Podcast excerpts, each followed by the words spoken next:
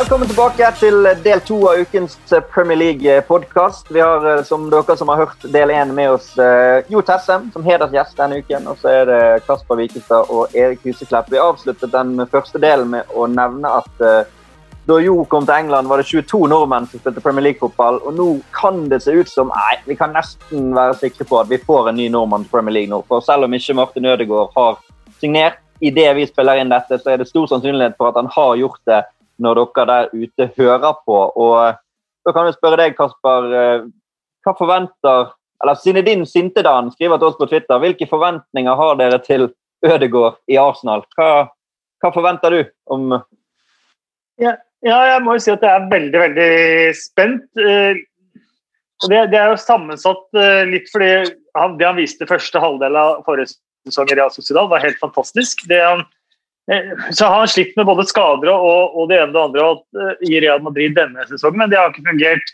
i det hele tatt. og Der har det rett og slett sett ut som han ikke har turt helt når han har spilt for Real Madrid. og Det er jo det er litt skummelt. Samtidig så kommer han til en klubb som Det er ikke det mest stabile stedet spillemessig å, å komme til uh, heller. Men jeg syns at Arsa kanskje har savna litt en kreativ kraft lenge. og så har de hatt Mesut Özil, men mange grunner til at de ikke har hatt bruk for han. Emil Smith-Roe har eh, på mange måter eh, fylt det rommet i en del kamper, men han er, eh, er ung. Og så er det PP, William, de har ikke fungert. Kanskje kan han komme inn eh, der. Men jeg, jeg, kan ikke, jeg, kan ikke, si at dette er sånn slam dunk. Jeg er 100 sikker på at det blir en uh, suksess. Og jeg ser jo at det er Arsenal-fans også som sammenligner han litt med det lånet av Dennis Suárez.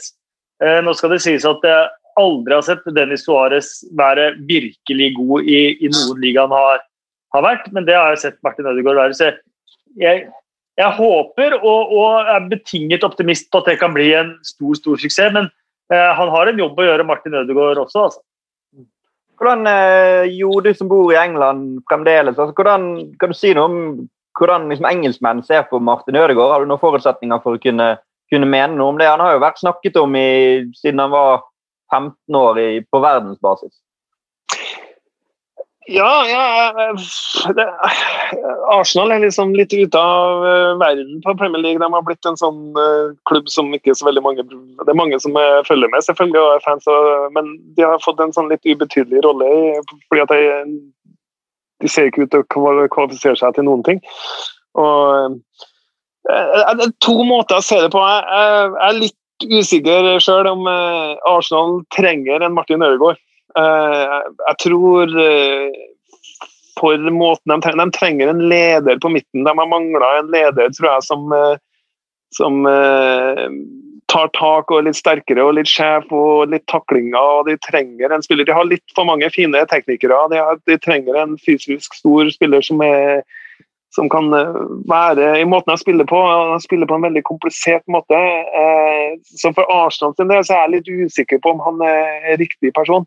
Men hvis jeg skal se for Martin sin eh, situasjon, så, så tror jeg han gjør et bra valg. fordi at her har han muligheten til å lære seg noe og spille i en supertøff liga som er helt annerledes enn den er i Spania. Og det, det, er lærdom som er viktig å ta med seg tror jeg, for, for den alderen han er. Og, og, Han må være litt egoistisk, tror jeg. Altså, hvis han kan gå og få spilt en del kamper og håpe at han er skadefri. da.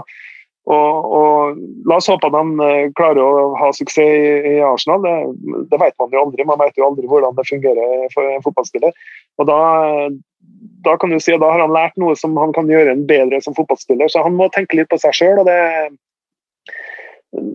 tror jeg er viktig, men uh, samtidig så er Arsenal uh, Jeg tror de har en manager som sitter veldig tynt nå. Så jeg, jeg tror ikke han skal ha mange tap på, på CV-en nå før han ryker. Altså. Og da kan det hende at det, situasjonen å komme på lån er enda verre. og Det, det har jo Erik for erfart i Portsmouth, så da det kan det godt skje, skje i, i, Arsenal også. Men jeg er litt i tvil. Jeg, han er god i det som er spansk fotball. Engelsk fotball er helt annerledes.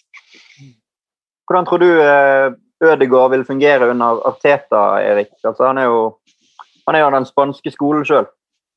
Ja, da, altså, Jeg er litt der Kasper er. for det, er ingen tvil om at Martin Ødegaard er en fantastisk spiller.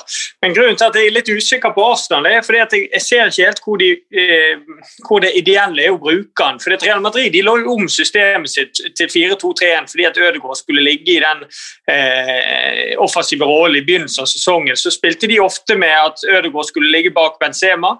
Og så, Det fungerte ikke, og han fant ikke helt rollen sin. og Det jeg tror mange glemmer, er at når han var i Real Sociedad, så slo han så godt til at han fikk lov å diktere veldig mye. Jeg fulgte han veldig tett da han var i Real Sociedad. Da hadde han veldig frie tøyler. Han fikk lov å gå opp i banen og være med i angrepene som en tier, men han kunne like gjerne komme ned og hente ball og sette i gang angrep. Det tror jeg ikke han får lov til i Arsenal. Jeg tror han blir mer altså, Arsenal er så stor klubb, og det er tross alt så en god del gode spillere der at han får nok ikke like frie tøyler der.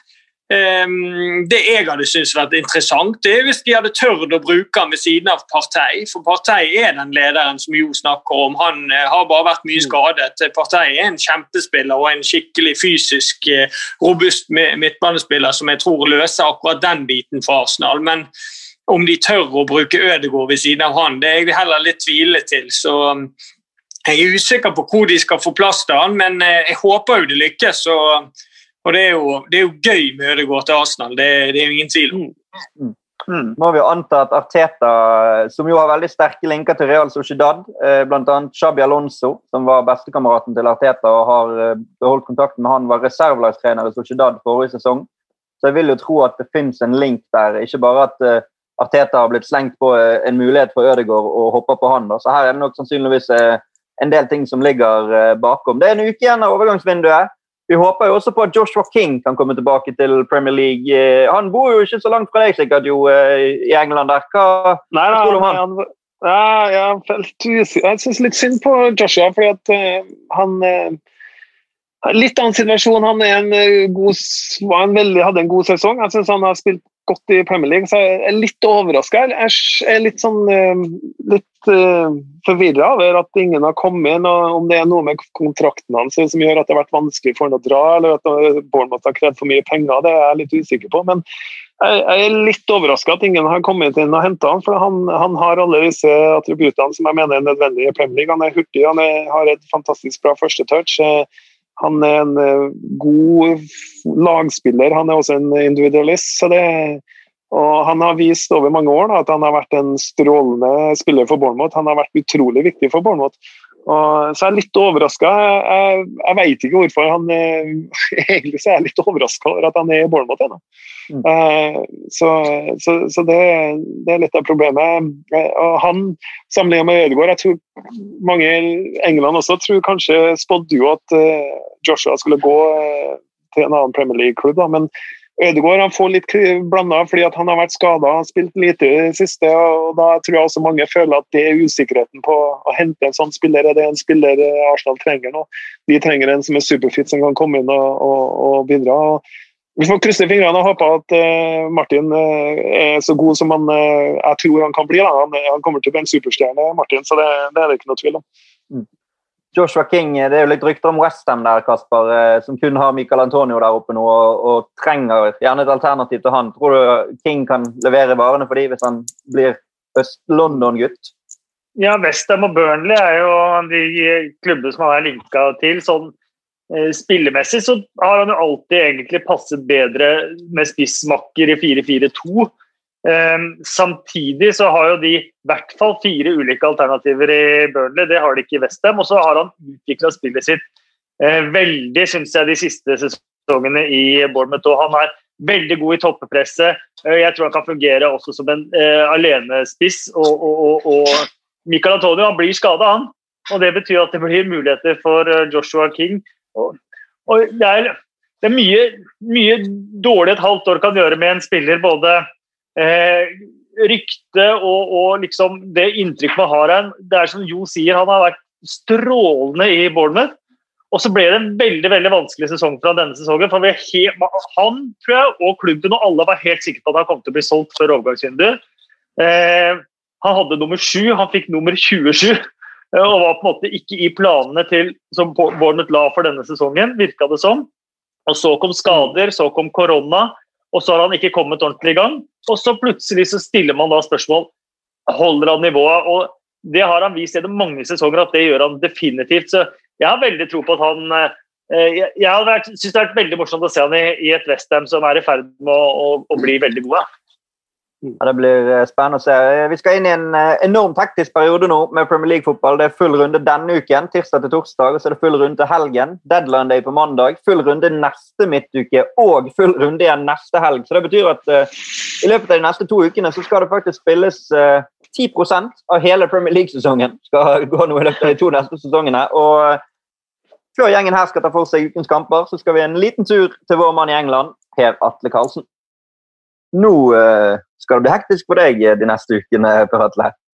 Det skal bli hektisk, ja. Det er både nok av eh, kamper og det er deadline day nærmer seg, som er neste mandag. Så Ødegård kommer til England, eller han har allerede landa i London. Så det, det, ser ut til at det skal gå slag i slag de, de neste ukene, men det er jo sånn vi liker det å få. Og hvert fall når vi får enda flere nordmenn inn i Premier League, da er det jo helt nydelig for meg som elsker nisselue og i det hele tatt. Ja, altså Vi har jo denne samtalen før den er bekreftet, men alt tyder jo på at han blir Arsenal-spiller i løpet av mandagen. Så hvordan tror du det blir? da? Hvordan, hvordan blir det å følge en av altså Nå er jo kanskje Erling Braut Haaland den heteste akkurat nå, men Martin Ødegaard har jo vært i overskriftene i mediene siden før du var nesten i mediene, og nå skal du liksom dekke han. Ja, nei, det, det er sant. Han har, jo, han har jo vært der i mange mange år allerede. og det blir veldig spennende egentlig å se ham i England. og så er det jo den, eh, den måten den avtalen her er på, at det er kun et lån. At det ikke skal være i hvert fall rapportene sier at det er kun et lån og ikke noen opsjon på kjøp. Så, så legger det jo et ganske mye større press på han òg. For da, da, forventer jo Arsenal-supporterne en spiller som skal komme inn og levere umiddelbart. For han skal bare være her i, i noen måneder. Eh, I hvert fall sånn som planen er. Så det blir veldig spennende. Så blir det spennende å se om han, eh, om han klarer å lykkes i, i, Premier League. For nå har han slettet litt i, i La Liga i de siste, siste, månedene, spesielt etter at han kom tilbake til, til Real Madrid. Så nei, bare da få komme litt, litt tettere på han og få, få prata litt med han og, og, og sett den live, ikke minst. Det, det skal bli, bli, spennende. Jeg er jo bare en enkel fotballsupporter. Altså, det, er jo, det er jo alltid artig å se gode spillere, spesielt norske spillere da, på, på det nivået her. Ja, Du må jo forberede deg på å reise litt rundt og dekke Arsenal også. Du har jo vært i hælene på Ole Gunnar Solskjær nå mye siden du kom over, men nå er det en ny, en ny nordmann som skal få Per Atle-masing ukentlig, vil jeg tro. Absolutt, så, så, han må bare stålsette seg, for det, det, det kommer det til å bli. Det, det, er jo faktisk ikke så lenge til, til Arsenal møter Manchester United heller, så da kan jeg slå to pløyer i en smekk. Det er jo eh, 30. januar, så, så yes. Kan jo faktisk bli debuten, det. Sånn, det man vet jo aldri.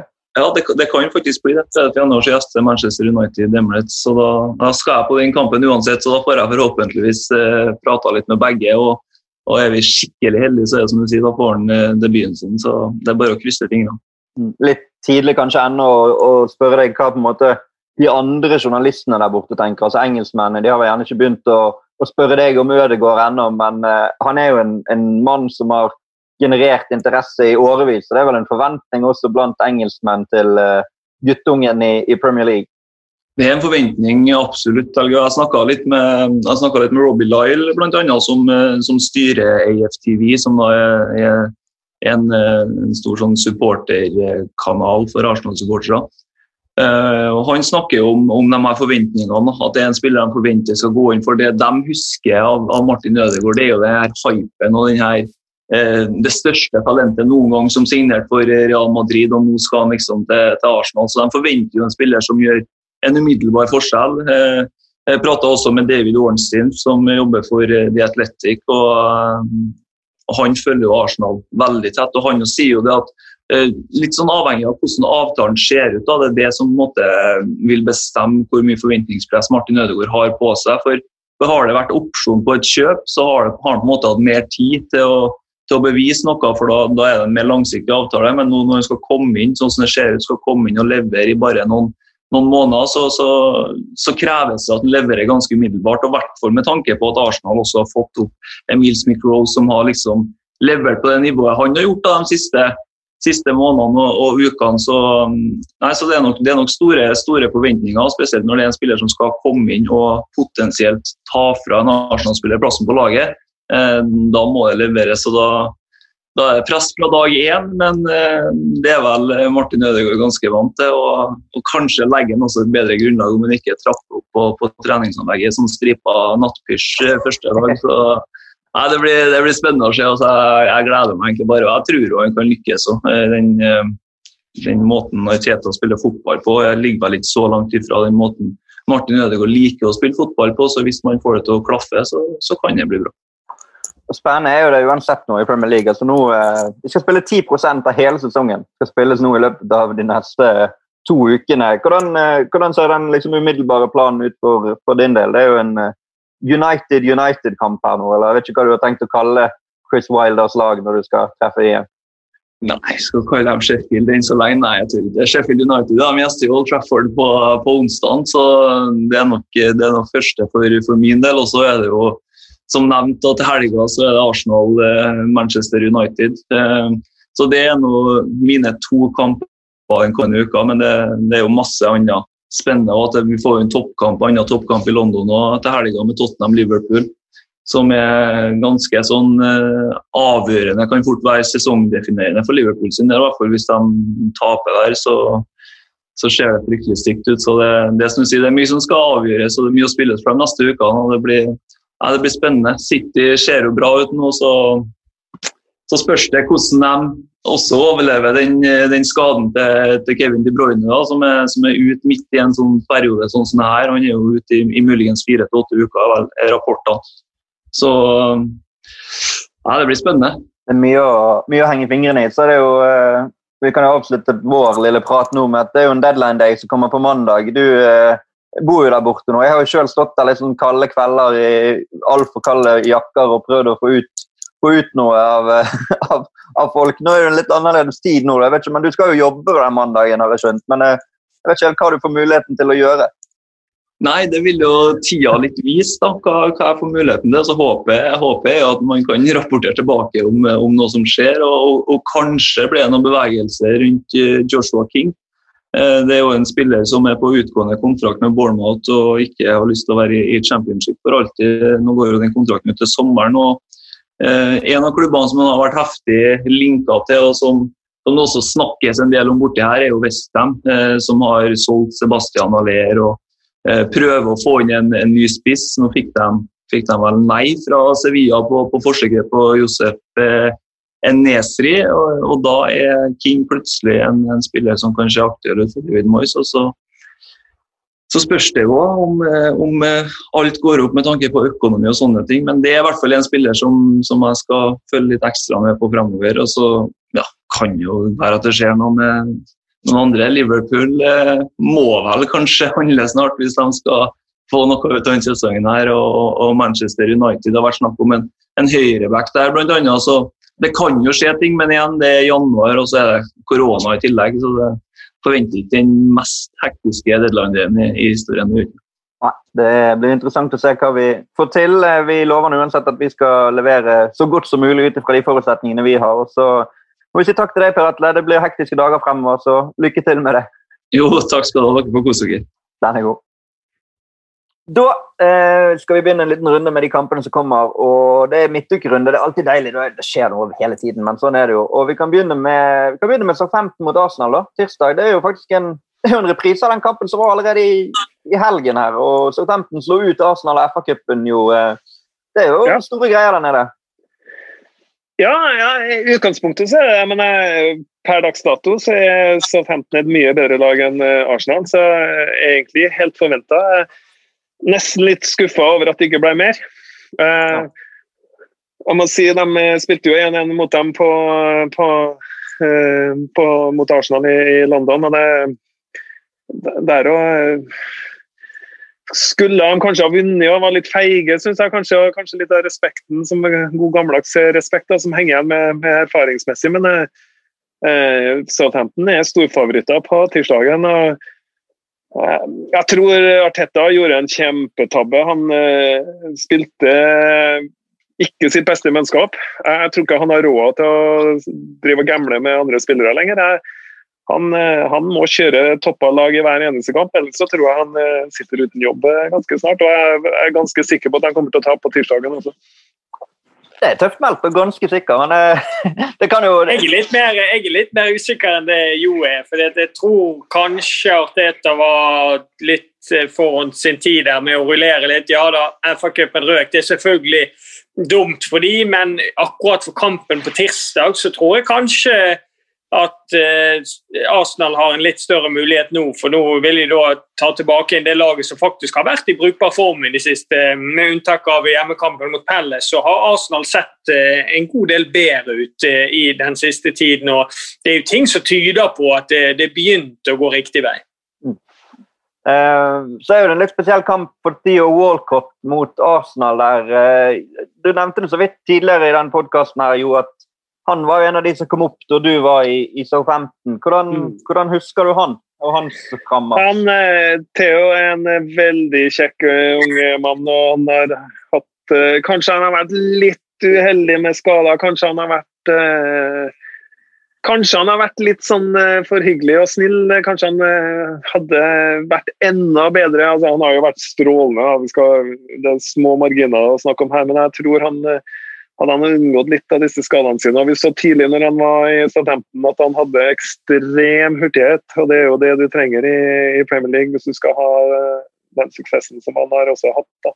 Og, men jeg tror han kunne hatt en bedre karriere. altså uten å og Det tror jeg litt på skala, kanskje litt på at han kunne ha vært litt sterkere mentalt. og Nå har han jo kommet tilbake hit og ser ut som han stortrives å være tilbake i, hvor han har vokst opp. så det Eh, og, det, og, det, har litt med det. Jeg tror eh, tilhørighet, hvor du vokser opp og hvor du føler deg komfortabel og litt sånne ting. Det er samme, samme med mange av oss som hadde det samme forholdet med Lyn. Eirik hadde Brann. Det, det, har litt med det å gjøre, og det tror jeg det har også for, eh, for eh, Theo, som har eh, vært strålende. Han har vært kjempebra.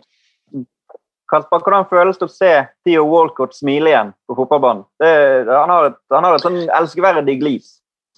Ja, definitivt. Eh, og han skåra i det motsatte eh, oppgjøret da eh, studenten spilte 1-1 på Emirates. Så det er jo linker mellom disse to, to klubbene her. Og så kommer det jo inn, hvis vi ser bort fra FA-matchen, hvor Southampton har hatt en litt sånn nedadgående kurve og slitt litt med å skåre mål, mens Arsenal har tetta igjen, tetta igjen bak. Så jeg tror nok det er litt sånn, denne matchen er litt sånn å kaste kortene litt opp på, på ny. da.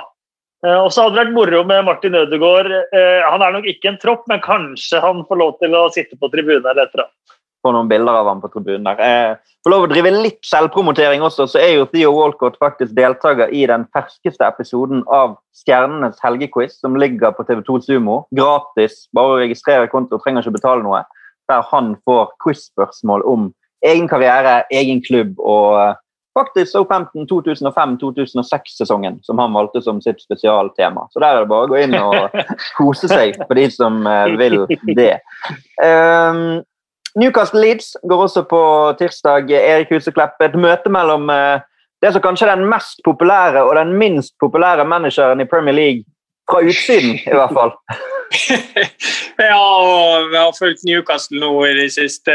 altså når du har sett på de resultatene og de prestasjonene de har hatt i det siste, så er det en klubb som er på fritt fall på tabellen, og de må, må få seg en seier så fort som bare mulig, eh, mulig. Ellers så ryker nok eh, Steve Bruce, selv om eh, ikke nødvendigvis Mike Ashley har så lyst til å sparke noen akkurat nå, men hvis resultatene uteblir, så så, så, blir man fort nødt til det. Så ekstremt viktig kamp for Newcastle her. Og så er det på en måte veldig kontrastfylt òg. Newcastle er veldig trå og trege i angrepsspillet sitt. Jeg synes Det går ikke an å se noe klar plan på det de gjør, mens de møter Kamikaze Leeds som bare kjører på. og Noen ganger går det, og andre ganger går det ikke. Så det, ble, det er en veldig interessant kamp. Men han er jo ekstremt pressa nå, Steve Bruce. de uttalelsene han har hatt i pressen de siste ukene eller to, har vært helt rare. Nesten ikke til å, til å tro. Og pressekonferansen eh, nå den tok jo eh, nesten kaka. Der tok han mot spørsmål fra et par rettighetshavere, og så nekta han spørsmål eh, fra den skrivende pressen. Da det kom til den runden der, så bare skrudde de av Zoom-linken.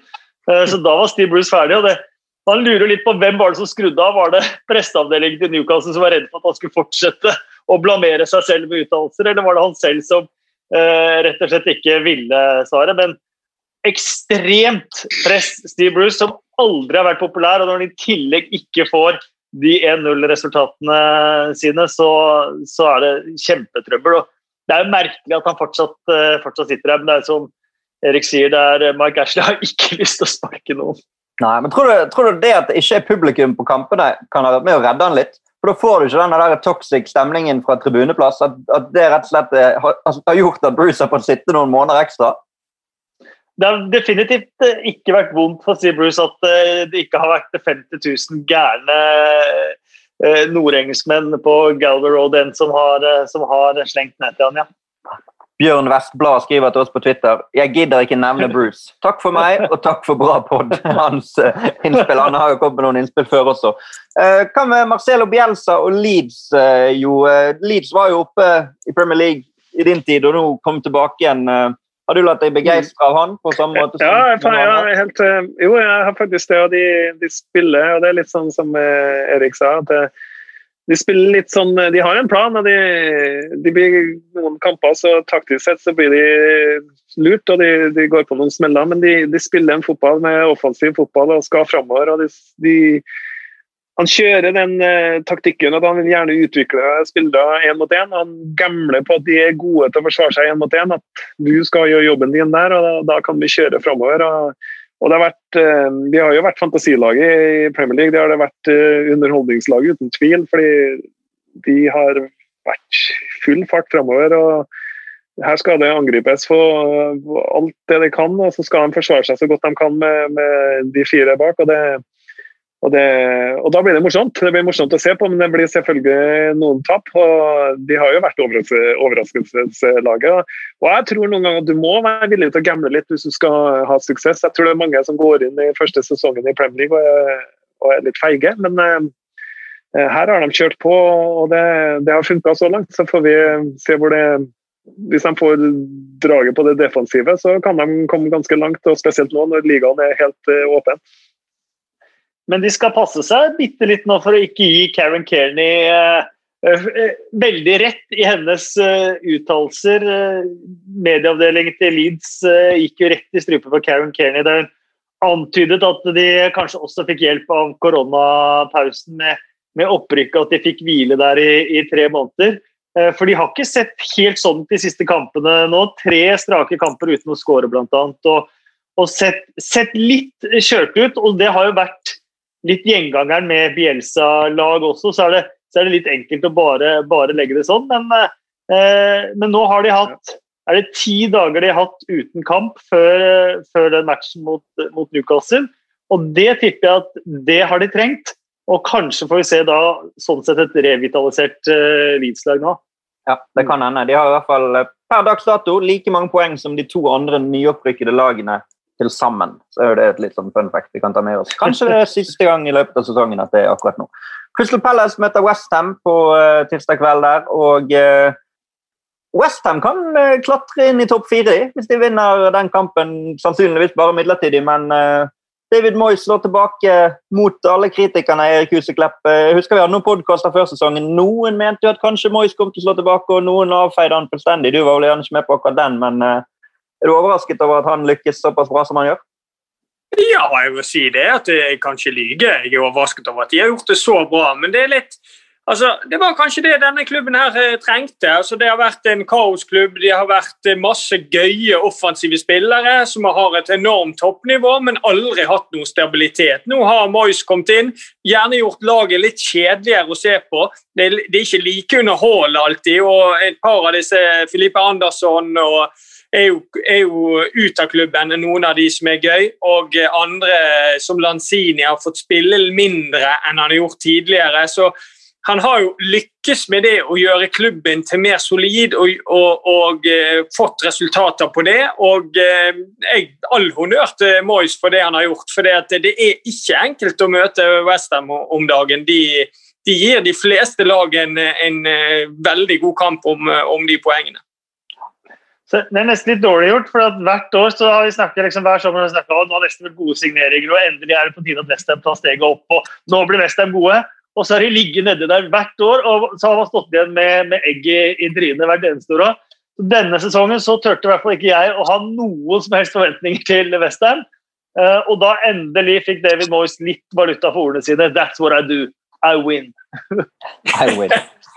Jo da, vel, eh, han er en vinner. Eh, Roy Hodgson, han, eh, hva kunne han sagt? That's what I do. I stabilize. Eh, jeg tror ikke det Pelles-laget kommer til å skape noe fyrverkeri resten av sesongen heller, men de, de holder seg gang etter gang. og de, de var, startet jo veldig bra. da. Vant over Southampton og United i de to første kampene, men Mm. siden det så har de faktisk kun slått de nyopprykkede lagene og Sheffield United i Premier League. Så um, har per Men aldri noen fare for Palace likevel, da. Nei, det, det, skal nok ikke, det skal nok ikke være det. Nei, De når 40 poeng, de, og så slutter de å spille. Ja, ja. Uh, Er det sju kamper før, er det sju runder før slutt, så taper de de siste sju. ikke noe stress. siste kampen uh, tirsdag kveld det er Sam Allardyces West Brom mot Manchester City. Og Kasper, eh, det, den Cheltenham Manchester City der, det kunne nesten blitt en sånn historisk FA Cup-skrell i helgen som var. Du, vet du hva? Det var, eh, det var faktisk veldig eh, nære. Det var 1-0 til Cheltenham ti minutter eh, før slutt. Ben Tozer med lange kast, og på 2-1 til Manchester City når Ben Tozer skulle kaste mot slutten der igjen. Fantastiske scener hvor både Pep Guardiola og innbytter Rodri eh, både omringet Ben Tozer for at han skulle gå fem meter lenger bak når det- ta det kastet. Eh, det var veldig beskrivende på hvor redde Manchester City var for eh, både det fysiske inne i feltet fra Cheltenham og kastene til, eh, til Ben Tozer. Så på ingen måte komfortabel for Manchester City, selv om de endte opp med, med 3-1. Nei, Det var jo mot et lag som kjemper om å rykke opp fra League 2. Så, men nivået... Og som har Mike Duff som manager, det skal vi ikke glemme. Nei. For oss som har spilt mye championship manager, senere football manager, så er Mike Duff en stor, stor legende. Og han var jo veldig veldig kul for Burnley også de første sesongene de spilte i, i Premier League.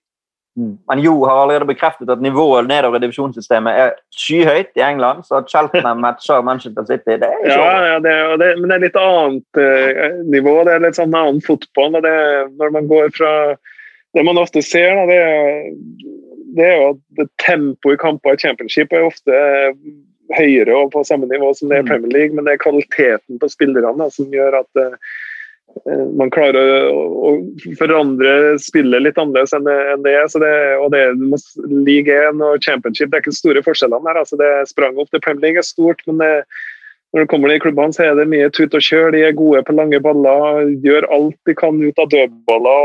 og Du så jo Cheltenham med, med lange innkast som var livsfarlig hver gang. De pælma jo den ballen inn fra hvor som helst på, på banehalvdelen. Og det, de tar bare bruke det som er lov i fotball. Du kan bruke alle midlene som finnes, som er lovlige midler. og Innkast det er lov, det. Det er det. Og det er akkurat, Jeg syns det er skikkelig morsomt med lag som eh, Cheltenham og eh, Stoke for den saks eh, skyld, mot akkurat lag som Manchester City. Så Manchester City med litt lave spillere, med spillere i verdensklasse egentlig i alle posisjoner, så føler de er litt sånn entitled. da. Vi spiller best fotball. Eh, vi spiller fotball sånn som ideen til fotball er. Og så ser du at de, de blir forstyrra av at det kommer svære fysiske spillere som skal ta lange kast. De føler nesten at det er litt feigt. Eh, men jeg liker det veldig godt. Og så er det det er jo en reprise da, av eh, Slaven Bilic sin aller siste kamp som eh, West Bromwich-manager. da De klarte 1-1 borte mot Manchester City. Mm. Litt på det derre kjempe seg gjennom, være i matchen, holde det tett bakover. Eh, og Manchester City har slitt med å skåre mål denne sesongen på en helt annen måte enn de har gjort tidligere sesonger. Det er vel det som kanskje er håpet at det skal bli en spennende match. Ja, det er jo legge blåkopi på den Cheltenham-oppskriften, da. Med, for Big Sam. Det høres ut som noe han kan klare, Erik, selv om de har vært grusomme hjemme, West Bromwich, etter Allardyce kom inn. Jeg tror eh, Big Sam har ingen problemer med å kjøre den Cheltenham-taktikken. Er ingen problem. Forrige kamp de spilte, så, så kjører jo Big Sam det. Hver gang de får et, et frispark på midtbanen, så eh, kommer alle de store bamsene inn i, i boksen der. så og nå er vel De Bruyne ikke med heller, og det er jo en, eh, et stort savn, selvfølgelig. Han er jo kanskje Premier Leagues beste spiller, så når ikke han er med, så, så påvirker det City helt klart. Men eh, det er ingen tvil om at City er favoritter, men eh, de får nok en fysisk utfordring her òg.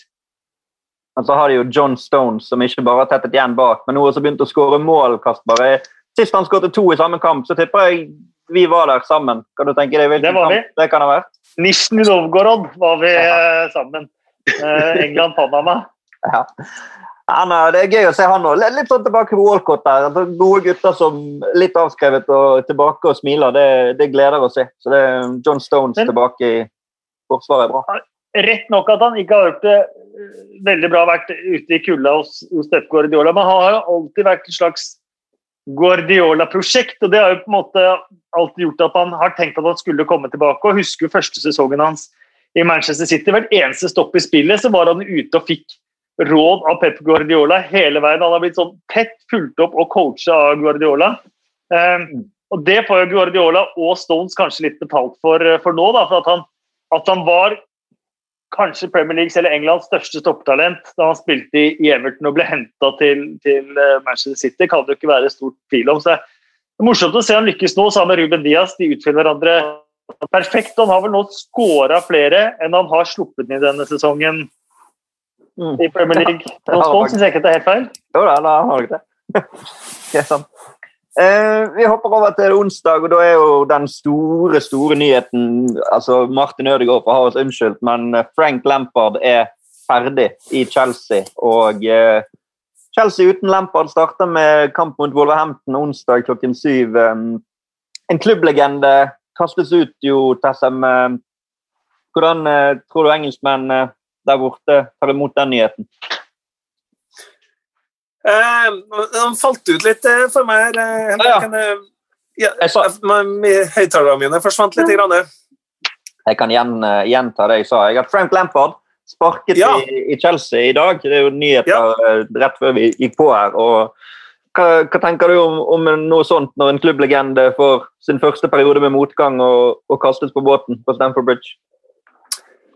Eh, ja eh, Vanskelig å si. Han har jo ikke hatt noe han har jo, eh, Først når han kom, så han, eh, hadde han ikke lov å kjøpe spillere. og han, han gjorde det egentlig bedre med at han ikke fikk kjøpt spillere, og heller bruke det han hadde i klubben. Altså. Det, og nå når han har fått kjøpt spillere, så har det liksom ikke Det har ikke helt funka for han.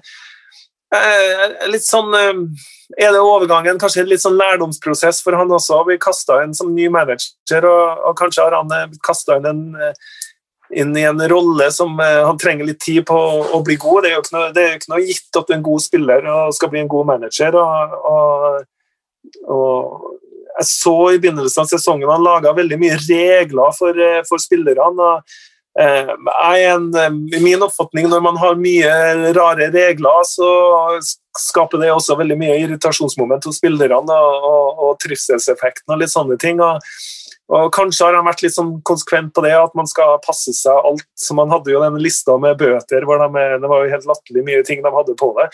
Eh, og, litt sånn, jeg, jeg tror man skal Han virker litt som at han er, prøver å være en hard negl og, og kanskje skal være litt tøff. og og eh, Kanskje har han skapt litt problemer for seg sjøl, og kanskje det er også lærdommen til ham. At han blir, gitt en rolle som kanskje var litt for stor for han til å begynne med. Men, men at han kommer til å bli en god manager, det, det tror jeg. Men eh, Chelsea er en eh, spesiell klubb. Det, det, er mye tradisjon. Man forventer resultater, sånn som er i Arsenal også. Det, og det, det samme med Arteta. Han sitter, jeg tror Arteta sitter veldig tynt. Eh, hvis det her fortsetter. Så, sant, han har berga seg litt på noen av de resultatene som han har hatt nå i de seks eh, siste kampene. Men han, han, gjorde en stor feil mot Southampton, så det, det, litt, du kan sammenligne dem litt sånn begge to. De er litt sånn ferske i gamet med, med å være manager. og, og Du må finne litt sånn veien sin. Og, det, og så kan du se på Solskjær også, som var, var fersk i Premier League. Men Solskjær hadde, sin, hadde managerrollen sin i Molde. Han fikk litt sånn inntrykk Han fikk vært vært i, i um, Hvor var det han var i Wales? Med Cardiff, ja. Mm. Ja, Cardiff og, og, og, fikk liksom den erfaringa på managerrollen der. Og, og, så Han har litt mer erfaring, og han har på en måte snudd ting litt mer til seg sjøl. Han har fått spillerne til å spille mer sånn, Paul Pogga, Paul Pogga er jo et veldig godt eksempel. Da. Og, og det er kanskje det der Arteta og kanskje der har Lampard eh, bomma litt. Grann, da. Mm. Ja, samtidig vil jeg si at Det som er veldig sånn sammenlignbart med Lampard og, og Solskjær, det er to mennesker som bryr seg ekstremt om de klubbene de har, de har vært.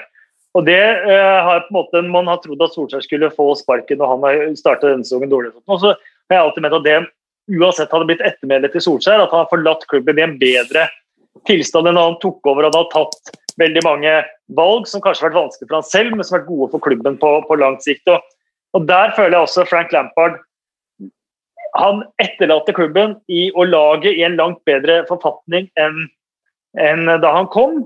Og selv om dette også bunner litt ut i overgangsnekten, så har Chelsea de siste ti årene hatt den beste uh, ungdomsavdelingen i England uten at de har fått opp en eneste spiller.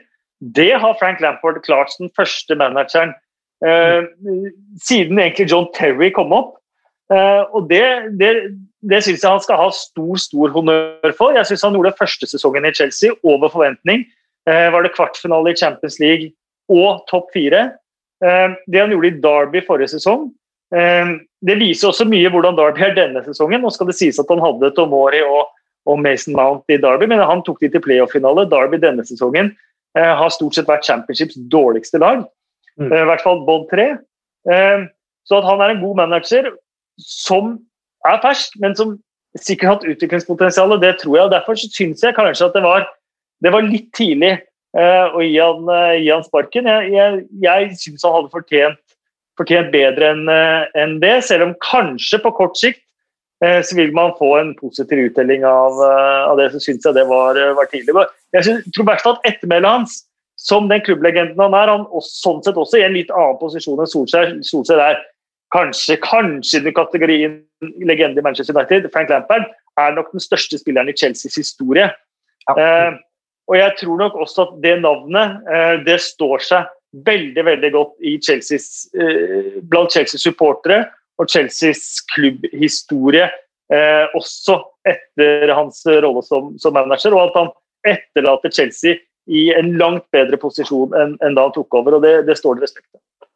En nådeløs bransje, men eh, Abramovic har jo allerede to ganger sparket José Mourinho, som var den mest populære og mest vinnende manageren der, og nå sparker han også den eh, kanskje Chelsea-historiens største spiller, da, som, eh, som du sier. Men sånn ja, er det jo. De har jo lykkes med det, Chelsea. De har jo ja, hatt en svingdørmentalitet. Det, det, det, er et brutalt spill, men, jeg, men jeg, jeg, tror når du viser over tid og jeg tror også, Her har man ikke tid til å sitte. Det er Champions League som gjelder. Det er å være i, topp, eh, i toppen av Premier League. Det er der alt ligger. og og kanskje da Ja, du skal gi mennesker litt tid. Jeg er egentlig glad sånn at Solskjær har fått mer tid. og Nå får han jo litt resultater av at han har fått tid, for det var jo mange som ville at han skulle sparkes også. Og, og kan du se på Arsenal også, for Arteta er på en måte i samme situasjon. Han er litt sånn eh, fersk i den rollen sin. og og Gir de en tid, så tror jeg nok at han får resultater. Og Kanskje er det sånn at du må, du må, lære litt først over klubben. Du må lære litt av hva du driver med, og hvor du har spillerne dine, og hvem som er dine spillere. og litt sånne ting. Og, og Lampard det, det, har vært litt merkelig for ham. Altså. Det, det, har vært tøft. Jeg vet ikke om de spillerne som har vært her eh, det, er mange av dem som ikke har prestert på, på det nivået som man kanskje har forventa med. og kanskje har Det vært litt, eh, kanskje det virker som stemninga har vært litt merkelig der. Eh, I hvert fall i år i forhold til i fjor. Og, og det ser du på trivselen og på måten de, når de spiller også. De er, du, du, får sånn inntrykk av at eh, når Chelsea har spilt, så har det vært litt sånn negativt. Det har vært litt tungt. De har, vært sånn, de har ikke vært happy hyppige. Det, det, og det, det, er ofte sånn tegn på at ting ikke er riktig altså, i en fotballklubb, i mine, mine øyne. Men det, det, kan være, som du sier, det har en eier som er trigger-happy på manager, og da, da, kan det være vanskelig å få være i jobben lenge. Mye i overgangsvinduet, syns jeg, da, med å overfylle de offensive posisjonene. fordi at det som er sannheten i fjor, når han ikke hadde noe å handle for, er jo at eh, Abraham leverte ok. Han, eh, mm. han var en bra spiss. Eh, der henta de inn nye folk. Pulisic han var òg bra. William hadde ok målpoeng. Og så er det inn med Harvard, så inn med Syech, inn med Werner. Det kan være veldig mye på én gang. og Det er jo det som har blitt hans, mye av hans problem denne sesongen. at han han finner ikke den konstellasjonen oppe som han er fornøyd med, så da har han byttet og byttet og byttet, og det har blitt litt hans bane. Da, at han nesten har hatt for mange alternativer, i, i, spesielt i front. Mm. Wolverhampton, som Chelsea møter på onsdag, vant det motsatte oppgjøret i desember. 2-1 på Molyneux. Det var også faktisk forrige gang Wolverhampton vant en kamp i Premier League. De har seks strake kamper uten seier. Kun Newcastle like få poeng i samme periode. Samtidig som uh, Chelsea Wolves møtes på tirsdag, så skal Burnley ut Men, mot Aston Villa. Vi må ta med da for Wolverhampton at de endelig har fått da en uh, midlertidig spisserstatter for uh, Raúl Jiménez. da. William José inn. Og det ikke, er ikke det kanskje den spissen som imponerte meg eh, mest, men det var ikke Raúl Jiménez før han kom til Wolverhampton heller. Eh, så kanskje det kan være eh, litt av løsningen, fordi at eh, halvveisform ble erstattet av elendig form da Jiménez fikk denne fæle skaden sin. Da. Mm. Ja, men det du er inne på der, Kasper, er veldig viktig. fordi at, ja, Jeg òg er litt sånn begrenset imponert over William José. Jeg har sett han mye i Real Sociedad, men han er mm. riktig spillertype i forhold til det. det de mangler. Mm. Mm. Så det kan være en kjempesignering for de, for nå når de har måttet bruke Fabio Silva, så er han en helt annen spillertype enn det Jimenez er, og da må de spille på en annen måte, og det har påvirket de veldig. Så William José kan nok gjøre en mye mer Wolverhampton-jobb hvis de vil spille sånn som de alltid har gjort, enn det Fabio mm. Silva har klart å gjøre. Mm. Definitivt veldig godt poeng. Og så er han jo brasilianer, så han snakker jo portugisisk, så det blir jo ikke noe problem for han å spille for det Wolverhampton-laget der. Eh, bare å kjøre de tredjedraktene også, som, eh, som, de har kopiert av Portugal. Absolutt. Burnley møter Aston Villa samtidig som Chelsea Wolves kommer rett fra seier på Anfield. Har, har bare ti mål likevel i Premier League til nå. Aston Villa Eh, de må jo være den største positive overraskelsen i Premier League. De har jo et par hengekamper der. Skulle de vinne de, så er de, de er helt med fremdeles og har gledet, gledet mye. Brighton Fulham 2030 på onsdag. Fulham som nå er fem poeng bak Brighton, vel. Eh, Brighton nærmeste lag over streken og litt sånn De bør helst ikke tape den kampen, i hvert fall. Jeg vet ikke, jo, Trevor Morley han sier at eh, det finnes ikke noe som heter sekspoengskamper. Uh, tenker du at det er noe som heter sekspoengskamper? Du får vel bare tre, men uh, du, det viktigste er Brighton har vært litt uh, Det er nok en sekspoengerskamp. Jeg tror nok det mentalt sett også er det en sekspoengerskamp. Men, men Brighton har vært, de har vært gode, de, altså, men de har problemet med seg at de har for mange uavgjort. Og uavgjort gir ett poeng bare, og det drar deg ikke Det kan være godt for en stund, men de ser ut som at de klarer å spille uavgjort. Men de har vært gode. De har vært, når de lykkes, er de gode, og de er ganske solide defensivt. De, de, de, slipper ikke inn mye mål, men de skårer også litt. Så det, det er sånn, sånn balansegang om hvordan de, de, de klarer kampene sine. men i mange av de kampene de spiller, så har de, de har vært ganske dominerende i banespillet. De har en del de har gjort litt sånn som kanskje Southampton har vært veldig flinke på, å bruke de hurtige spillerne sine i de riktige posisjonene. og Det, det skaper veldig mye trøbbel for motstanderlaget, og det, det, er de gode på. Men så er det da å unngå å slippe inn for mye mål, sånn at de eh, ikke da får uavgjortresultatene. Jeg tror at kunne, mange av disse uavgjortkampene kunne de snudd til seier, og da hadde vel eh, det sett helt annerledes ut for Brighton. Så, så, det er litt sånn eh, det er litt uheldig. Uavgjort er et sånt uheldig resultat for dem. Mm. Og så er det litt det samme med ja, litt det samme Fulham, akkurat fordi at eh, de har også spilt mye, mye uavgjorte kamper og fått ros for at de har fått bedre fasong, at de har spilt bedre og alt mulig, men dette blir lakmustesten for dem. Skal huske at De har ikke vunnet en eh, Premier League-match siden november. Eh, og Nå har de møtt Chelsea, Tottenham, Manchester United på rad og rekke. Og nå kommer det til en kamp som de absolutt må vinne. Ehm, så det er jo denne kampen de skal bevise da, på mange måter at, eh, at de har utviklet laget sitt til å bli eh, det laget de har fått mye ros for å være, da, uten å få resultatene til å matche det. Eh, 21.15 på onsdag så er det Manchester United mot Sheffield United. Topp mot bunn, Erik Huseklepp. Eh, fortsetter seiersrekken til Solskjær her. Det er jo kanskje den største favoritten i runden. Ja, da, det er ingen tvil om det. Det er den eh, største favoritten i runden, og jeg tror de fortsetter her. Jeg tror ikke de stubler mot uh, Sheffield United. Nå fikk deres aller, aller viktigste spiller, Bruno Fernandes, hvile litt i går og trengte ikke å spille så mye mot eh, Leopold. Han, eh, det holdt med 20 minutter. Da satte han inn avgjørende frisparket. Eh, litt mer enn det, kanskje.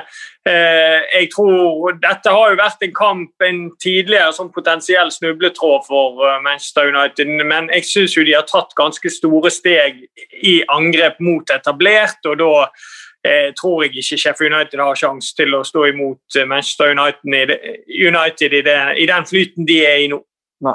Denne sesongen er jo litt motsatt av det den forrige var. for Da tok jo de poeng mot et par av disse gode lagene og slet med å ta poeng og vinne over de dårligste. Men denne sesongen har de jo, bortsett fra starten, da, der de var svake, så har de jo vunnet så å si alle kampene mot de svakere lagene, og så ikke klart å vinne toppkampene. Eh, hvordan ser du den, Kasper? Altså, hva, er, hva, er, grunnen til det, tror du? Nei, Det er jo et lite jubileum som er stor del av grunnen. og Det er ett år siden Bruno Fernandes ble signert. Mm. Jeg var vel på Old Trafford den siste kampen før det, hvor de tapte 0-2 hjemme mot eh, Burnley. Ja. Alle, de, alle, de, problemene du snakker om nå, eh, var helt oppe i overflaten. Og det var en eh, ganske slagen Ole Gunnar Solskjær intervjua etter matchen. Uh, og så kom Bruno Fernandes når han spilt 51 kamper for Manchester United på det kalenderåret han har vært der. Han har skåra 28 mål, og han har vel borti 20 målgivende pasninger i tillegg. Eh, og han har på en måte vært den nøkkelen som har gjort at eh, mot eh, presumptivt svakere motstand i kamper hvor Manchester United skal styre, så vinner de og skårer mål i de kampene også. Det, det betyr jo at da, da, da, har du på en måte en full verktøykasse. da, både fra toppkamper hvor du kontrer, for det har aldri vært et problem for Solskjærs Manchester United. Eh, forsvare seg egentlig aldri vært noe problem. Eh, men det store problemet har vært også å styre kamper, og det er ikke noe problem under Bruno Fernandes, det heller.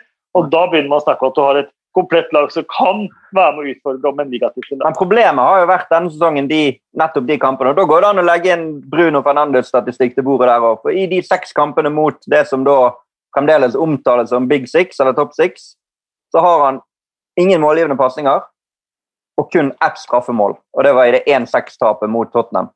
Så Men så kampene, glemmer, du også, så glemmer du også litt uh, eh, FA-cupkampen allerede bare nå i helga.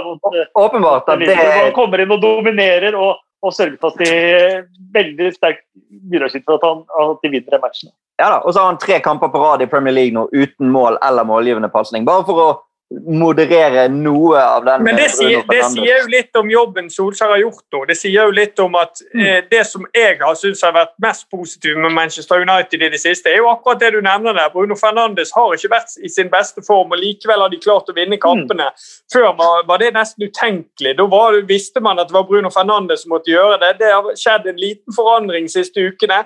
Bruno Fernandes. Det har vært mye for han. Han er ikke i den samme gode formen som han alltid har vært i, og likevel har United klart å, å vippe kampene i sin favør. Så der har jo på en måte Manchester United som lag tatt noen steg, da.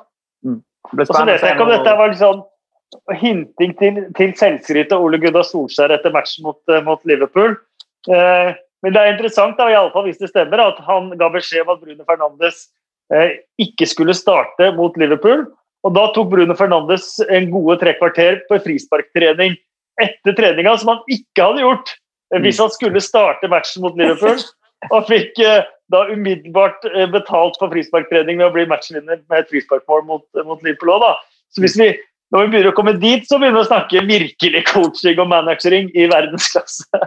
Absolutt. Eh, jo, du eh, altså Du har jo ikke spilt med Ole Gunnar i Norge, men du har, eller du har spilt med han på landslaget da, eh, for det norske landslaget. og kjenner han vel litt fra det. Hvor, hva tenker du om den jobben han har gjort? Du var så vidt innom det der i sted når vi snakket om Lampard, men uh... Ja, nei, han, han, eh, han, hadde en hadde en tøff start. Han hatt en, hadde jo vært tøft i begynnelsen. Han sleit mot de beste lag. og han eh, hadde en spillemåte som eh, nå ser ut til å funke. Han, han har gjort én ting som eh, har hatt vanvittig innvirkning. altså Bruno Fernandes er en spiller, men det han har gjort med Paul Pogba, har vært kanskje nøkkelen til en, i, i, hvordan Man United har stått frem. fordi at han har nå endelig altså blitt en spiller som, som han er på det franske landslaget når de vant VM. og Han har plutselig blitt i den rollen som han burde ha spilt i mye tidligere.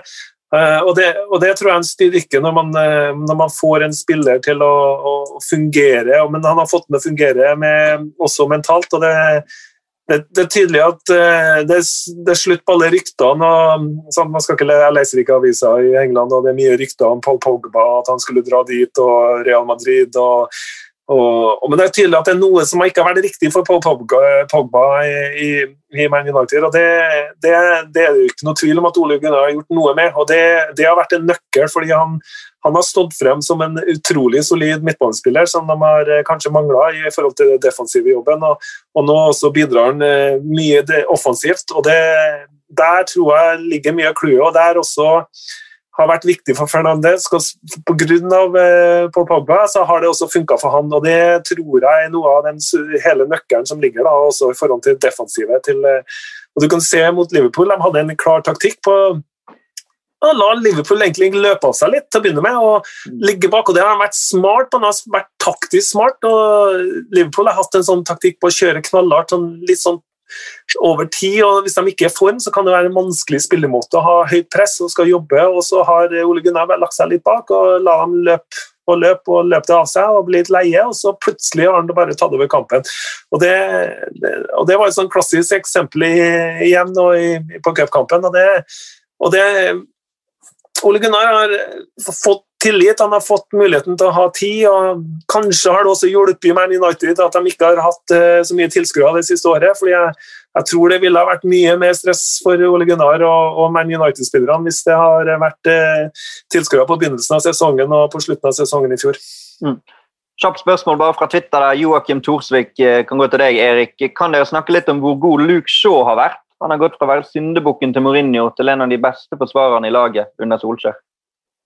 Ja, eh, vi har godt innspill der fra, fra Twitter. der, fordi at eh, Luke Shaw har vært kjempegod. Han har fortsatt et stort mangel i spillet sitt i forhold til å være den moderne backen. Det er at han har fortsatt for lite målpoeng.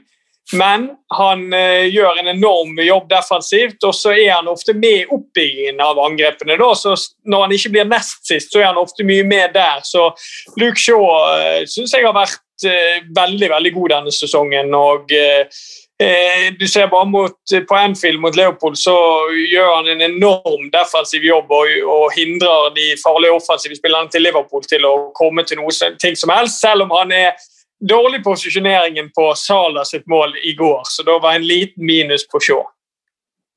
Det er jo det er også noe Solskjær har prata om, uh, utviklingen til Luke Shaw og, og forandringer fra, fra José Mourinho. for han snakker jo om at Mourinho har brukt pekefingertaktikken og, og kjeftetaktikken og de tingene, mens han selv er en person som legger armen rundt spillere og prater med spillere og, og bygger opp spillere på, på, den måten og mener at det er eh, en god del av grunnen til at Luke Shaw har hatt den utviklinga tilbake nå. Nå er han jo straks kanskje Englands beste venstreback igjen og bør være naturlig på landslaget.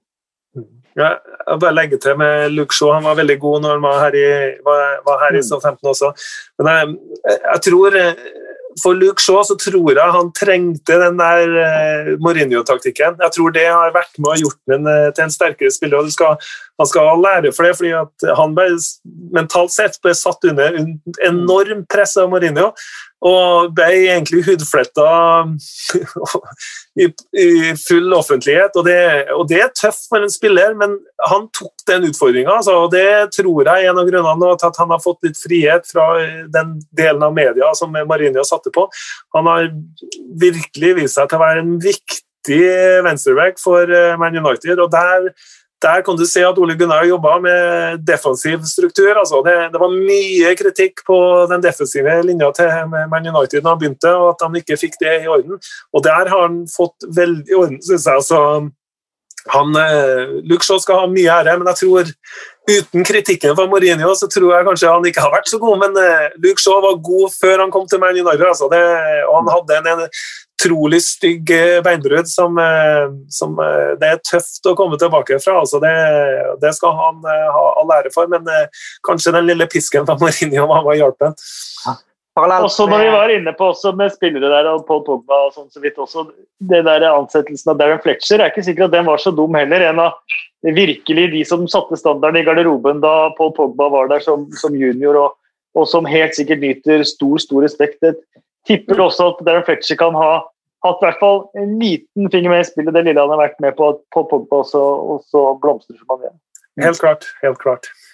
Samtidig som Manchester United møter Sheffield United, så er det duket for uh, Det er sånn på tabellen er jo faktisk rundens toppkamp. Leicester mot uh, Everton. Leicester nummer tre, Everton nummer seks. Uh, Riktignok er det vel Everton-Leicester dette på Goodison Park, men uh, Leicester to poeng bak Manchester United. Mohammed Ibrahim skriver til oss på Twitter en klubb det snakkes altfor lite om, er Leicester. Det de har fått til så langt denne sesongen, er fantastisk. De har en midtbanetrio i Tilemans, Ndidi Madison og ikke minst en Barnes og Vardy på topp. Rogers har jaggu meg bygd et spennende lag. Jeg føler nesten at det snakkes så mye om at det snakkes så lite om Leicester. At vi nesten ikke snakker så lite om de lenger, Kasper. Men eh, de imponerer jo, det gjør de. Definitivt. Og nå har Madison kommet uh, tilbake igjen, uh, og det syns jeg er morsomt. for han var jo liksom litt om the golden nugget og, og mye kritikk til Geir Southgate, som aldri ga den landslagsdebuten. Og så kom jo plutselig Jack Grealish og Mason Mount og alle de andre opp, og, og, og Madison plutselig var i skyggen der. og så starta denne sesongen med skader, og kommet tilbake nå og er eh, igjen en av Premier Leagues beste kreatører. og Den assisten han hadde til 1-0 til Djengis Under mot, eh, nei, til 1-1, var det vel kanskje mot, mot Brentford, eh, den var perfekt Madison-signatur på med yttersiden, for det er en trengt posisjon der. Og veldig veldig morsomt. og de, igjen da, Hvis man snakker med et komplett lag som kan både forsvare og angripe seg på mange, angripe på mange måter, så er det jo Leicester. Men litt skummelt nå med at Vardy er operert og ute, for jeg syns de sliter med å spille på Leicester-måten eh, med andre spisstyper enn Jamie Vardy og Inacho f.eks. er helt annen type enn det, det Vardy er. Mm. Så er det Everton som eh, Vi kan jo nevne det du nevnte Leicester slo Brentford i FA-cupen. Everton slo ut Sheffield Wednesday. Og Everton er jo, har et par hengekamper der. og Vinner de de to, så er de like likt med Leicester. Erik. De startet og var voldsomt gode offensivt, men nå i det siste har de blitt ganske gode defensivt. Everton. Ja, Det er ikke overraskende når du har sett uh, historikken som Angelotti sitter på. Han, uh, han, gjør jo det på det Angelotti way, som jeg liker å kalle det. det han, han, han, strukturerer lagene sine veldig godt def defensivt, og så, har, og så, henter han inn spillere som har X-faktor i det offensive spillet. Hames uh, Rodriguez, og så har han fått til Calvert Lewin på en helt ypperlig måte. Richarlison. Eh, så det er, det, det er, gøy å se på Everton. og Det er, liksom, det er litt artig å se òg når du har fulgt Angelotti. Han, han, går ikke vekk fra prinsippene sine. Han kjører det løpet sitt. Selv om nå er han i litt mindre klubb enn han faktisk pleier å være i, så, så har han fått det til på den måten han egentlig alltid styrer fotballag på. og det er, det er jo det, har vært gøy å følge Everton med Angelotti. og eh, Vi snakker om Western med stabilitet, så har jo stabilitet vært et stort problem i Everton òg. Og nå ser det ut som de endelig har fått det. Mm. Det er helt riktig. Nå eh, skal vår siste kamp som vi skal dreie innom, det er kampen på torsdag, som andre kanskje vil hevde er rundens eh, toppkamp, med Tottenham-Liverpool. Men det er jo fire mot fem, og når det er tre mot seks, så blir totalen av de summene likt. og Da må vi jo si at det laget som er nummer tre, spiller i toppkampen, bare for å være sånn skikkelig flisespikket her, da. Men eh, jeg innledet med podkasten med å spørre har Jørgen Klopp mistet magien. Og Det er jo litt for å provosere, selvfølgelig, for det har skjedd mye. Men eh, hva tenker du om det som skjer rundt Liverpool, Jo? Du har vært i England en stund og sett de komme tilbake til toppen og dominere fullstendig, men nå har det vært litt utforbakke, selvfølgelig grunnet en del skader. Ja, ja utforbakke. Jeg tror det Jeg tror de eh, det er vanskelig å si. Det er, det er en tøff altså Premier League er tøft, og noen perioder vil du gå gjennom hvor du og Det var der de kanskje var så gode i fjor, da når de vant. Eh, det var at Når de hadde dårlige perioder, så vant de stort sett kamper. Eh, og Det er kanskje kjennetegnet de som vinner ligaen. Eh, I år så har de Det var jo ikke dårlig mot Man United, jeg, jeg syns ikke det. De, og de dominerer jo egentlig sånn banespillet, men det, det å få den kreative effekten sånn, Solskjær var taktisk smartere enn Klopp. og det Kanskje har de andre lagene begynt å finne ut litt hvordan de spiller. Kanskje er de ikke så skarpe som de var i fjor.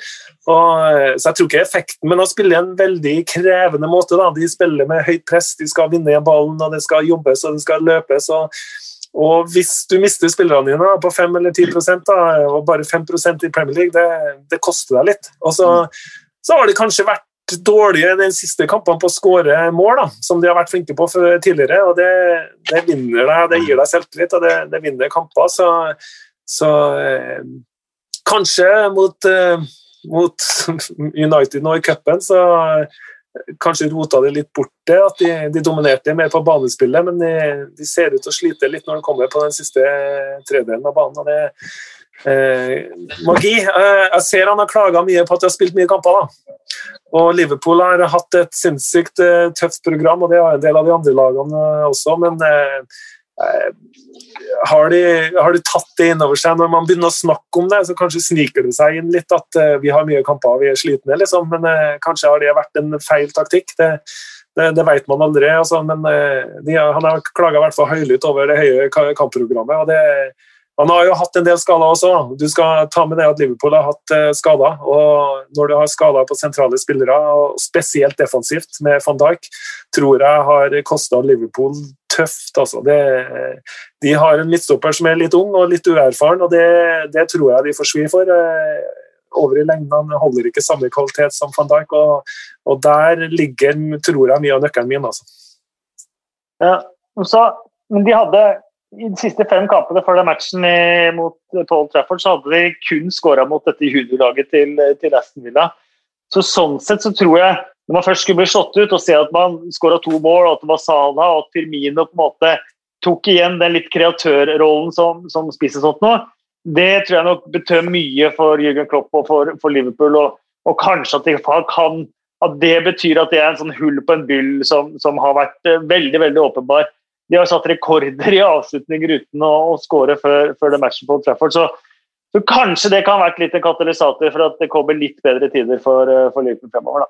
Mm. mm. Men eh, programmet til Liverpool er jo på en måte altså Det definerer mye nå av sesongen. For nå har de Tottenham borte, så har de Westham eh, borte, og så har de Brighton hjemme før de får besøk av Manchester City. Så det er en ekstremt viktig periode for Liverpool nå mm. hvis de ønsker å være med i den tittelkampen. Da har de ikke råd til så mye, mange flere feilskjær, for å si det sånn. Det er noen som lurer på hvorfor lyden på Erik Huseklepp ble litt annerledes. Så han satt seg nettopp i bil for å kjøre sannsynligvis i barnehagen for å hente der. eller et eller annet sånt. Men eh, ja, Du nevnte det med at du kanskje faller 5-10 og Når supporterne ikke er der, tror du det kan være med på å gjøre at et lag Ja, uten tvil. og det, det ser du jo på alle kampene. Det er jo ikke bare hjemmekamper og bortekamper har plutselig blitt eh, mer nøytral bane. på en måte, og det, og, og det, er jo ikke noe tvil om at eh, når du er på fotballkamp Jeg har vært på et par Southampton-kamper og sitter på Southampton-kamp og, og, det er ikke tilskuere her. Det, det, det, er en merkelig følelse. Du, og når du ser det på TV, så er det jo det ser jo ut av og til som nivået er litt lavere enn det var før. Altså, og det, og det er klart har innvirkning, og fansen hjelper betraktelig når du har 50 000 i ryggen eh, på hjemmebane. så Det er jo ikke noe tvil om at det hjelper når du spiller, spiller kamp fotballkamp. Og selvfølgelig for motstanderlaget også å komme til Anfield. Det er mye lettere nå enn å, å ha hele Anfield mot deg på, på, på tribunen. Altså. Det, det, men det er jo samme for alle klubbene. Det, og, og, Derfor så tror jeg også ligaen er helt åpen. Det er uten tvil en av grunnene til at ligaen er helt åpen. og Det er at det er nøyt, nesten nøytrale baner i hver eneste kamp. Og ikke det stresset og presset fra, fra tilskuermengden som, som, også bidrar til at kampene blir på et helt annet nivå. Og det, hvem som kommer til å vinne ligaen, det er jo, helt vid åpent, sånn som det står nå. Det, det, er mange lag som kan vinne. og, og Liverpool dominerte i fjor, og Man City har dominerte før. og Nå ser du at det Jeg vet ikke hvor mange lag som kan vinne. Det, det er jo det er vel igjen fra ned til sjette-sjuendeplass. Så, så, det, så, det tror jeg har litt med tilskuerne å gjøre, det, det er det ikke noe tvil om. Du nevnte vel i en podkast før jul der, Kasper, at du, du syntes det var kjedelig med Liverpool på Anfield, fordi man visste hvordan det gikk. og De vant alltid. og Etter det så har de vel, ja de slo Tottenham da, rett umiddelbart, men etter det så har de U mot West Brom og U mot United og tap mot, mot Burnley. Ja, så Nå får vi bare håpe at Manchester City ikke blir sånn kjedelige. for at, uh, Det morsomste er jo når det er sånn som nå, mm. uh, hvor det er uforutsigbart og mange er med. og det til slutt kommer til å stå mellom Aston Villa og Everton. Ja, det, man, vet, man, vet. Jo, nå skal de møte Tottenham. da. Kan, kan være en perfekt kamp å slå tilbake på, egentlig. for det at Klarer du å vinne der og få tilbake selvtilliten, slå et Mourinho-lag der på en måte ting er sånn up for grabs for Mourinho, så, så, vil jo det være med på å bygge Liverpool igjen. Ikke at Jeg tror at de sliter med selvtillit, men det er jo noe med en signaleffekt å kunne dra dit og, og stoppe de i en sånn kamp. Uh, Harry Kane kan skåre i fire strake Premier League-kamper på rad. Det har ikke han gjort på to år, faktisk, hvis han eh, skårer mot, uh, Tottenham eh, på torsdag. Og så er jo det spørsmålet med den midtstopperplassen da, til Liverpool, eh, som de har valgt å ikke få inn noen nye. Nå er det rykter igjen om Sokratis Papastatopoulos, som er helt fra Arsenal. Eh, det gøyeste med han er at du kan, til tross for at han har så langt navn som han har, så kan du skrive hele navnet hans uten å bruke noen av de nederste tastene på tastaturet på datamaskinen. Så det er litt fancy akkurat med han. Men det morsomste også er jo at har jo, de har hatt problemer, de som trykker drakter på, på Anfield. Det er vel der det er flest trykkfeil på draktene tror jeg, de siste årene. Det har vært Griakos og han derre Quewin Kelleher. Han fikk feil navn bakpå drakta si i debuten der og sånt. Så hvis vi kan begynne med Papastatopoulos der så tror jeg de kommer til å slite, slite fælt. Ja, det, det, må, det, må, bli Sokrates. Men når det er sagt, da, så har Liverpool hatt en veldig politikk. At vi skal ha rett mann, eller så driter vi i det. Mm. Eh, de fikk masse kritikk husker jeg da de uh, skulle hente Virgil van Dijk. Uh, de endte opp med å ikke få ham på det første vinduet. Da kjøpte de ingen. Og det satt fotballeksperter som meg og andre og bare Hvorfor i all verden går det ikke for en annen stopper når det er åpenbart at de mangler en stopper? Men de venta heller til van Dijk faktisk ble tilgjengelig. Og Det har de vært veldig, veldig Eh, konsekvente på. Så jeg tror ikke de kommer til å hente en stopper bare for å hente en stopper, f.eks. sånn som Sokratis. Og så skal vi ikke glemme, når man kritiserer 19 år gamle Reece Williams, som han spilte for Kidderminster forrige sesong, altså. Og det er ikke conference engang. Det er i divisjonen under conference. Vi begynner nesten å nærme oss Jo Tessem-ligaen, eh, som han spilte forrige sesong. Og at han skal gå inn da og ikke gjøre feil og være på eh, noe i nærheten av nivået med van Dijk og de andre, det, det blir å, å, dra den strikken veldig veldig langt. Altså, jeg syns han var imponert ut fra forutsetningene. Altså. Ja, ja, der er jeg helt enig også. Men men det holder ikke til å vinne ligagull. Det, det, Nei, det er der er forskjellen. Det, og, og det, og Det de gjorde med van Dijk, var egentlig veldig lurt. for De, de prøvde den på første året, og det, det falt gjennom her. og Da var i Southampton, og da hadde van Dijk en utrolig dårlig periode i Southampton. Han, eh, han uh, gikk litt sur, for han trodde overgangen var i orden. og Han spilte elendig fotball, gjorde noen kjempefeil. og Da så du også at Liverpool holdt igjen litt før, de, før han tok seg sammen, så presterte på det høyt nivå. Da gikk det inn. ok, Nå er han på det nivået vi, vi vil ha, og nå skal vi kjøpe ham. Så Van Dijk kunne nok ha vært Liverpool-spiller eh, tidligere, men han, eh, han, hadde en dårlig periode i 15 som gjorde at mange klubber så bort fra fordi at han var faktisk han var faktisk Han gikk litt sur. Gikk, det så ut som han gikk litt sur på at ikke overgangen gikk i orden. og Da, da, da, da satte han seg ned et par nivå. og det det tok han igjen, og det, nå har han jo bevist uh, før skaden at hvor god og viktig han er for Liverpool. og det og Der er forskjellen. og selvfølgelig For Liverpool er det jo greit å ha noen spillere som kommer inn og får, uh, får spilt, men, jeg, men, jeg tror for tryggheten og for angrepsspillet og for alt, så, så, er det klart at van Dijk som Han var jo nummer tre på lista av verdens beste fotballspillere i fjor. og det det viser jo hvilket nivå han, han holder, og jeg, jeg, tror han er superviktig. Mm. Eh, så, så, selvfølgelig lærdom for gode spillere, men skal du vinne Premier League, så eh, har man egentlig ikke tid til lærdom. Nei, det er sant Ja, det blir, eh, det blir, spennende å se hvem de kommer med som midtstoppere mot uh, Young Min Kane på uh, Tottenham Hotspur Stadium på torsdag. For um, José Mourinho han har jo ikke klart å slå Liverpool da, med dette Tottenham-laget. De har uh, vært nære begge, egentlig begge tapene til, under, uh, eller, til, Tottenham under Mourinho, og det blir uh, spennende å se.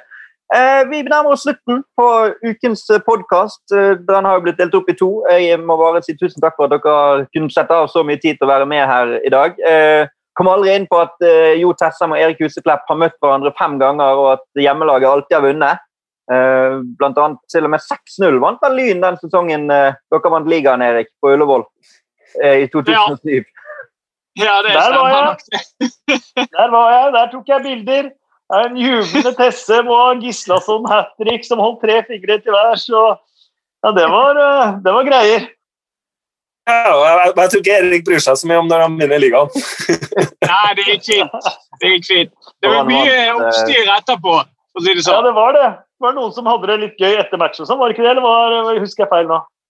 Nei, det er helt riktig. Nå ble det store avisoppslag at, uh, vi, at det var noen som hadde tatt seg en tur på byen selv om man tapte 6-0. Brann får tilbake. folket fra Bergen vært i ordentlig by, vet du. Da må man ta seg en tur ut. Brann slo tilbake, vant det motsatte oppgjøret på stadion eh, 3-1. Det, var vel- det var vel da man skjønte faktisk at Brann kom til å vinne serien. At dette roter ikke de vekk. Christian Brink kom inn og utlignet, husker jeg. Og så skåret Asa Karadas to mål helt på slutten, og seriegullet var i boks.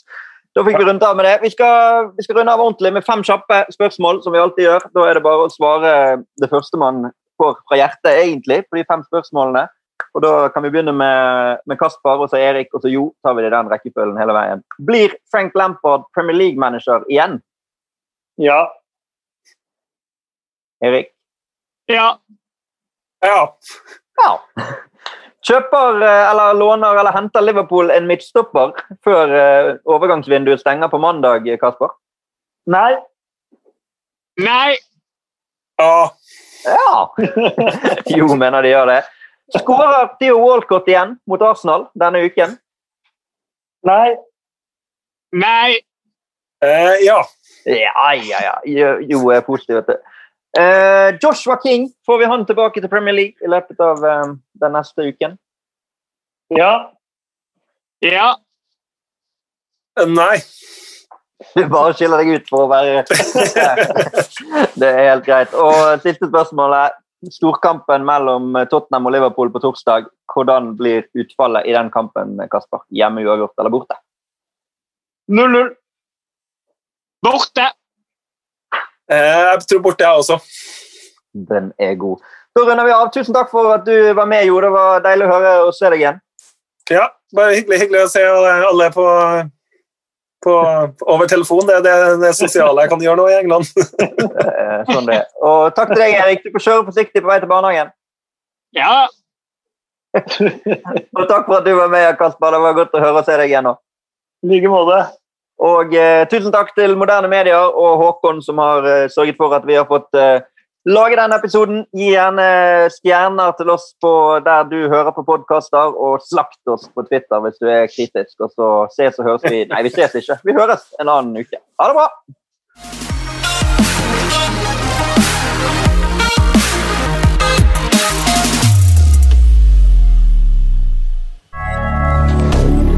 Moderne media.